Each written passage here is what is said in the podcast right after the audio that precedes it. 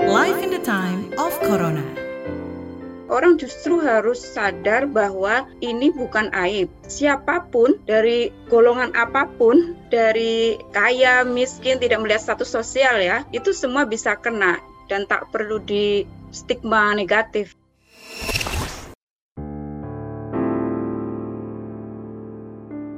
Saat siang begini, di bawah matahari, aku sangat optimis.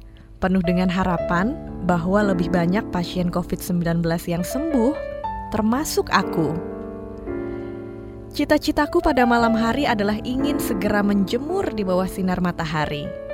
Saat mentari mulai tenggelam, muncul rasa kedinginan, kepala sakit, badan greges, dan suara kadang muncul serak. Dalam keadaan tersebut, jelang malam, kesedihan tiba-tiba muncul entah dari mana. Perasaan batin menyayat atau entah apa namanya. Kadang air mata mengalir sendiri dan aku tidak bisa mengurai menangisi apa.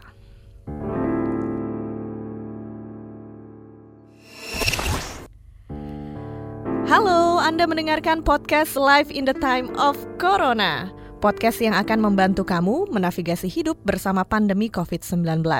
Saya Ines Nirmala dan kita udah dengar kalimat-kalimat tadi yang adalah kutipan dari diari pasien COVID-19 yaitu Lailia Al-Muhsin. Di episode kali ini kita mau nemenin Mbak Lailia yang sekarang kondisinya membaik, sudah sehat dan sudah kembali ke rumah dan setiap hari Mbak Lailia ini selama dirawat di Rumah Sakit Bayangkara Brimob Depok menuliskan catatan hariannya di Facebook Facebook. Nah, langsung aja kita ngobrol-ngobrol bareng sama Mbak Lailia Almuhsin. Halo, Mbak Lailia.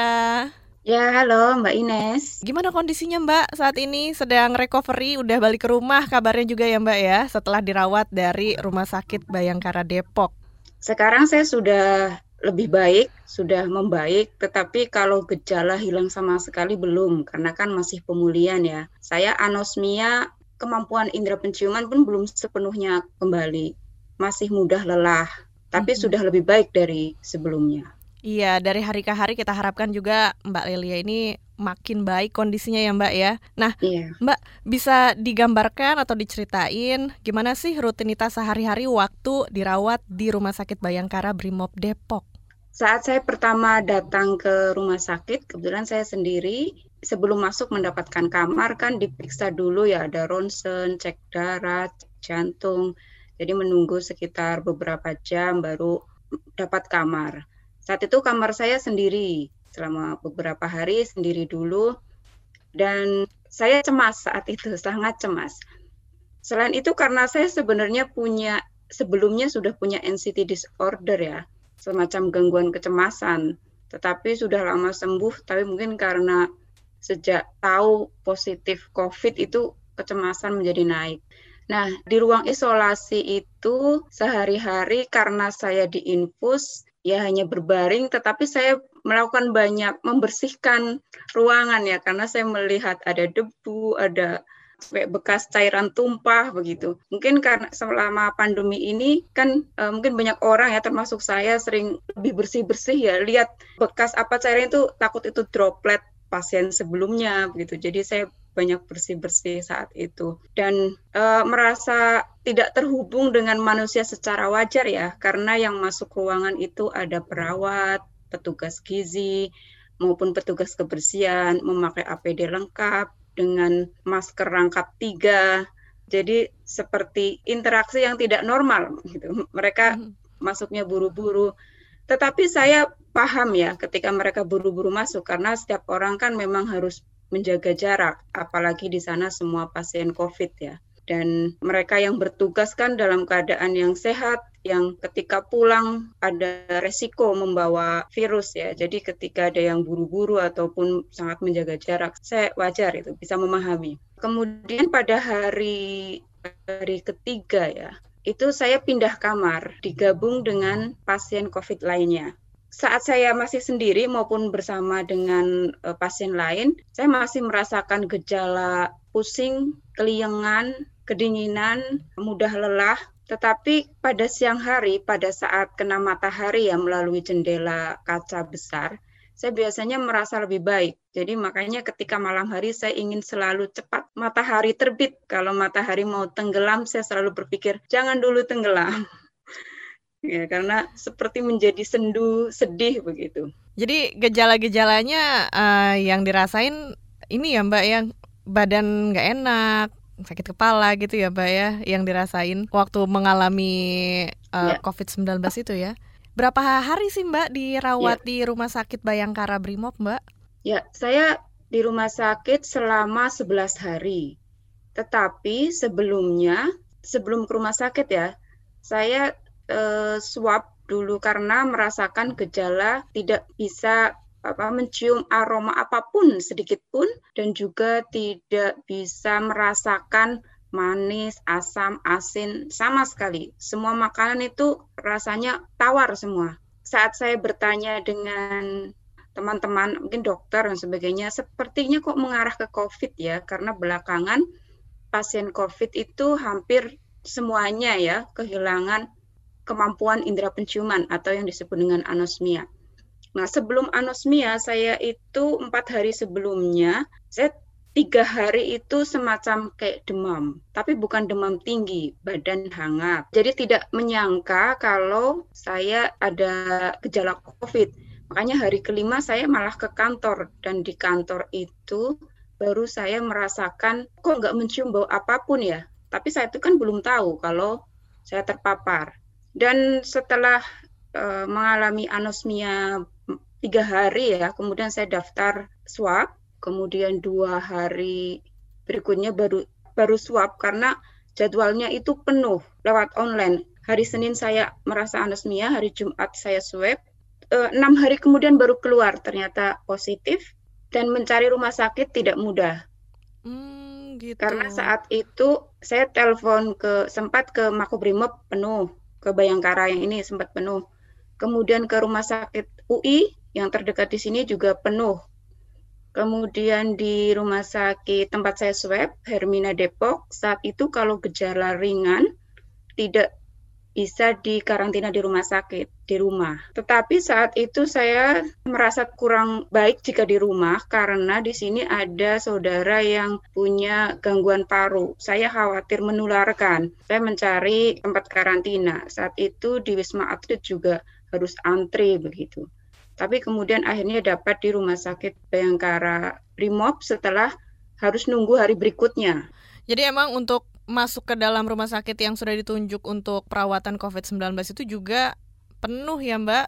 Nah, setelah tes swab dan dinyatakan positif COVID-19, mungkin salah satu pertanyaan standar yang hampir selalu muncul ketika ketemu pasien COVID seperti Mbak Lelia itu adalah dari mana bisa terpapar corona. Ini juga sempat ditulis Mbak Lelia di Facebook ya Mbak ya. Nah, sebenarnya yeah. pertanyaan itu berguna atau enggak sih ya buat dilontarkan mengingat klaster semakin banyak dan lingkaran orang-orang yang kena COVID ini juga makin lama makin dekat. Gimana kalau menurut Mbak Lelia? menurut saya penting juga ya. Jadi kan tahu tracingnya saya ke mana aja. Saat itu sebelum saya mengalami badan anget itu, saya justru tidak ke mana pun lebih dari dua minggu. Memang sebelumnya saya ke kantor ke Jakarta Selatan itu biasanya seminggu sekali. Tapi saat itu lebih dari dua minggu nggak ke mana-mana. Jadi saya yakin bukan karena perjalanan ke kantor ya, tetapi justru di rumah saya memang tidak ke mana-mana, tetapi ada beberapa saudara yang berkunjung dari jauh. Kebetulan saya tinggal bersama kakak saya dan keluarganya. Ada saudara yang datang, biasanya kalau ada tamu datang, saya yang paling disiplin untuk mengingatkan cuci tangan dulu di wastafel atau di kamar mandi yang dekat ruang tamu. Nah, itu sudah tidak ingat lagi saudara mana aja atau tamu mana aja karena kadang memang datang gitu dan e, memang jaga jarak ya dan pakai masker. Tetapi saya membersihkan wastafel dan kamar mandi saat itu saya ingat tidak pakai. Biasanya saya pakai kalau membersihkan wastafel dan kamar mandi ya karena itu dipakai orang dari luar uh, saat itu saya membersihkan tidak memakai masker. Nah, saya sih curiganya dari situ karena saya dua minggu lebih nggak ke mana-mana. Dan setelah swab semuanya kan yang positif ada lagi dua ya. Dan yang satunya itu saudara yang depan persis kamar saya itu juga dia sempat membersihkan kamar mandi yang juga dipakai buat umum, buat tamu tadi, tapi tidak pakai masker. Dia juga nggak ke mana-mana. Dan dia positif. Yang lain kan tidak. Enam anggota keluarga yang lain ya, baik pekerja ini nggak ada yang positif. Hmm, Jadi gitu. saya curiga sih karena membersihkan tapi tidak memakai masker. Karena itu riskan ya kalau orang dari perjalanan jauh mungkin naik mobil, kebawa di mobil karena AC, terus dropletnya di kamar mandi bisa menyebar ketika kita nggak pakai masker, riskan untuk terkena virus. Mbak Lelia kan kecurigaannya adalah ini dari lingkungan keluarga ya penularan COVID-19 ini. Terus gimana tuh Mbak reaksi keluarga pas awal tahu kalau Mbak Lelia terkena COVID-19 dan juga yang positif ada lagi ya anggota keluarga lainnya ya Mbak. Itu gimana reaksinya Mbak? Kalau dari keluarga inti pada intinya memberi support ya bahwa kebutuhan saya apa aja karena saya kan harus langsung karantina ya di kamar saja sampai menunggu dapat rumah sakit ya. Bahkan sebelum keluar, sebab saya sudah menyiapkan mental ya, sudah bilang ke keluarga juga, seperti ada arah ke COVID gitu. Dan ya keluarga membantu kebutuhan apa yang saya mau ke rumah sakit, kebutuhan apa saja, dan mencarikan yang mencarikan rumah sakit kakak saya, kakak kandung saya kalau di luar itu ya di tetangga saya nggak tahu tetapi tukang yang bekerja di rumah saya ini saya sempat mendengar katanya dia eh awas loh itu dari rumah yang ada orang COVID-nya gitu. Jadi sempat di ya mungkin mendapat stigma negatif, iya. Masih ya. merasakan itu ya Mbak, dilabeli atau diberi stigma negatif walaupun kita sudah sekitar tujuh bulan kita hidup bersama COVID-19 ini ya Mbak? Iya, itu udah jelas masih ada. Walaupun saya hidup di kota ya, ini kota perkotaan, artinya bahwa stigma itu ada di mana-mana. Seperti juga dialami oleh kawan saya sekamar, pasien COVID, dia kan sampai memindahkan anaknya ke orang tuanya jangan sampai tahu karena temen-temennya itu bisa membuli eh dia covid loh padahal kan yang kena ibunya tetapi anak-anaknya diomongin sama teman-temannya kan juga takutnya bisa bikin down gitu. Jadi dititipkan begitu. Mm-hmm. kalau perasaanmu sampai, sendiri gimana mbak? Ketika mendengar orang-orang ngomongin lah gitu. Kalau saya pribadi jujur saya tidak takut stigma loh. Makanya saya menulis di media sosial, justru karena saya tidak takut stigma ya. Orang justru harus sadar bahwa ini bukan aib. Siapa pun dari golongan apa pun, dari kaya, miskin, tidak melihat status sosial ya, itu semua bisa kena. Dan memang sepertinya butuh waktu ya untuk bisa orang itu paham bahwa ini COVID itu bisa menyerang siapa pun dan tak perlu di stigma negatif. Siapa pun bisa kena ya Mbak. Ini mau orang yeah. tinggal di mana pun yang namanya virus bisa menjangkit ke orang yang yang nggak mengenal perbedaan lah ya. Oke, okay. nah walaupun kita sudah tujuh bulan bersama COVID-19, kasus juga makin bertambah, klaster juga makin banyak ragamnya, masih ada aja tetap orang yang nggak percaya dengan COVID-19 ini dan juga nggak mau patuh sama protokol kesehatan. Kalau pengalaman Mbak Leili sendiri nih, waktu dirawat, ada nggak sih teman sesama pasien yang awalnya itu nggak percaya dengan adanya COVID, tapi ternyata dia dirawat karena positif COVID? Ada nggak tuh Mbak? Ada. Saya dua kali sekamar dengan berbeda ya, pasien. Salah satu pasien yang bersama saya saat itu, dia menceritakan bahwa dulu dia termasuk yang tidak percaya adanya virus SARS-CoV-2 ini ya. Bahwa COVID ini menurut dia karena dia baca dari berbagai uh, informasi mungkin di media sosial bahwa ini katanya konspirasi pemerintah. Makanya dia ke mana-mana ya nongkrong ke tempat kerja setiap hari, kadang pakai masker, kadang enggak, di tempat AC terus-terus. Karena dia nggak percaya, dia hanya lihat di TV, ah itu mungkin cuma dibikin berita aja, karena dia tidak pernah menyaksikan langsung ya pasien COVID. Saat dia mengalami, dan kebetulan dia mendapatkan gejala yang cukup berat ya, karena sesak nafas, untuk tidur miring saja sakit, selama lima hari dia terkapar nyaris tidak bisa kamar mandi dan sebagainya karena sakit sekali untuk uh, bernafas dari situ dia percaya bahwa COVID itu nyata bahwa virus corona itu uh, berdampak nyata terhadap tubuh, bisa melemahkan tubuh. Nah, makanya di sana kemudian ketika dia mendapatkan telepon dari keluarga maupun teman-temannya, dia selalu mengingatkan, eh, corona itu nyata loh. Ini dulu saya nggak percaya, sekarang saya percaya.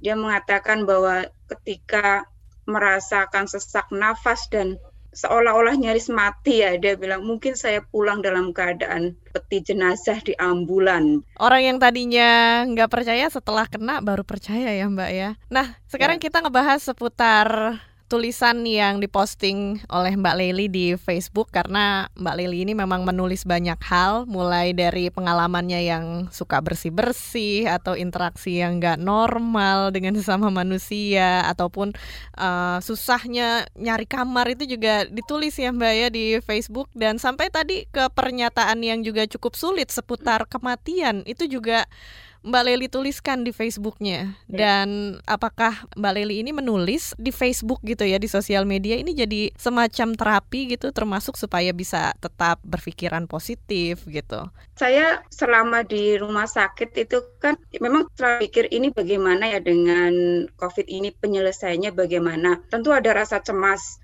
Misalnya berpikir soal kematian tentu wajar ya ya karena walaupun saya muda saya merasa kuat saya tidak punya penyakit penyerta begitu. Tetapi kematian sangat mungkin. Karena beberapa kasus kan awalnya tidak punya gejala kemudian tiba-tiba saturasi oksigen turun kemudian meninggal dunia. Ketika saya menuliskan uh, apa pengalaman saya di sana uh, saya merasa bahwa uh, ini bagian dari pemilihan saya saya juga nggak tahu berakhir dengan apakah akan membaik atau tidak karena kadang saya sudah merasa baik terus tiba-tiba malam kedinginan. Apakah saya akan survive? Perlu menuliskan seandainya tidak survive pun sudah punya catatan sebenarnya begitu. Tetapi saya selalu optimis ya bahwa saya akan survive gitu. Sebenarnya yang menakutkan itu saturasi oksigen ya. Itu kalau turun drastis itu yang menyebabkan seseorang bisa uh, fatal dan meninggal walaupun usianya mungkin muda dan kuat. Jadi kalau dibilang bahwa menulis itu bagian dari untuk menyembuhkan ya, untuk menguatkan diri. Saya kira untuk saya pribadi ya. Jadi setelah uh, struggling melawan semua kecemasan dan juga melawan pikiran soal kematian dan sekarang Mbak Leli sudah bisa kembali ke rumah sudah recovery dari COVID-19 dan setelah 11 hari ya Mbak dirawat di Rumah Sakit Bayangkara Brimob Depok ini setelah selesai gitu dirawat di sana ada prosedurnya nggak sih Mbak gimana um, Mbak Leli sudah dinyatakan aman dan sudah boleh pulang ke rumah seperti apa Mbak? Jadi pada hari ya? Tanggal 25 September itu saya disuap ya pagi-pagi kemudian malamnya dinyatakan negatif kan tidak langsung karena saya masih merasakan gejala pusing, masih diinfus juga, hanya langsung dipindah sendiri di kamar yang tidak bersama pasien lain karena saya sudah negatif. Dan diobservasi dulu, dicek parunya, dicek darahnya, baru dua hari kemudian boleh dinyatakan pulang, tetapi saya harus menandatangani semacam pernyataan bahwa setelah sampai rumah saya akan menjalani isolasi mandiri sesuai dengan protokol kesehatan yang optimal.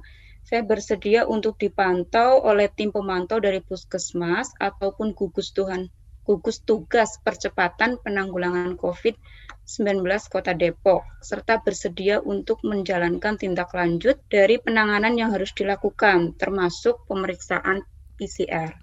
Demikian penyataan dibuat dalam keadaan sadar dan tanpa paksaan dari pihak mana pun. Jadi ini ada materai. Terakhir nih Mbak, untuk menutup perbincangan kita setelah tadi Mbak Leli banyak banget ngebagi pengalamannya seputar menjadi pasien COVID-19. Mbak Leli sekarang bisa deh kasih tiga siasat utama buat pasien COVID-19 atau mereka yang sedang melakukan isolasi mandiri supaya bisa tetap optimis dalam berjuang melawan COVID-19 semuanya ya teman-teman yang sekarang sedang berjuang melawan COVID-19 uh, saya berharap tetap semangat, tetap menumbuhkan optimis bahwa mampu melewati ini semua bisa dengan uh, banyak ngobrol dengan teman. Jika merasa takut, jangan dipikir sendiri, bisa berbagi. Dan sebenarnya nggak perlu khawatir yang berlebihan karena itu nanti bisa menurunkan imun. Menurut saya itu sih tetap semangat bahwa akan sembuh, akan kembali seperti semula. Dan kalau kita survive setelah melewati ini, kita akan menjadi punya antibodi untuk virus ini ya. Dan seandainya reinfeksi, kita menjadi lebih kuat, yaitu hikmahnya ya. Kalau yang belum terkena kan masih menunggu vaksin dan vaksin ini belum tahu kapan ya bisa diterapkan. Pasti ada hikmahnya ketika kita terpilih menjadi salah satu yang terkena COVID ya. Pada intinya tetap semangat dan tetap yakin kalau mampu melewati ini. Oke yes. Mbak Leli, kita doain semoga sehat selalu buat Mbak Leli dan juga sekeluarga yang ada di rumah dan juga pulih 100% dari COVID-19 dan kembali beraktivitas ya, seperti biasa ya Mbak ya. Ya, terima kasih Mbak Ines, semoga juga sehat selalu di sana. Iya, Mbak Leli, terima kasih sudah bergabung di podcast Live in the Time of Corona di episode yang kali ini. Dan Buat yang punya ide dan masukan, silahkan langsung aja email ke podcast@kbrprime.id, tulis di bagian subjek podcast corona. Jangan lupa ikuti juga podcast yang cocok untuk curious mind kamu di www.kbrprime.id atau platform mendengarkan podcast lainnya. Ikuti kami di Instagram @kbr.id dan sampai jumpa di episode selanjutnya. Life in the time of Corona.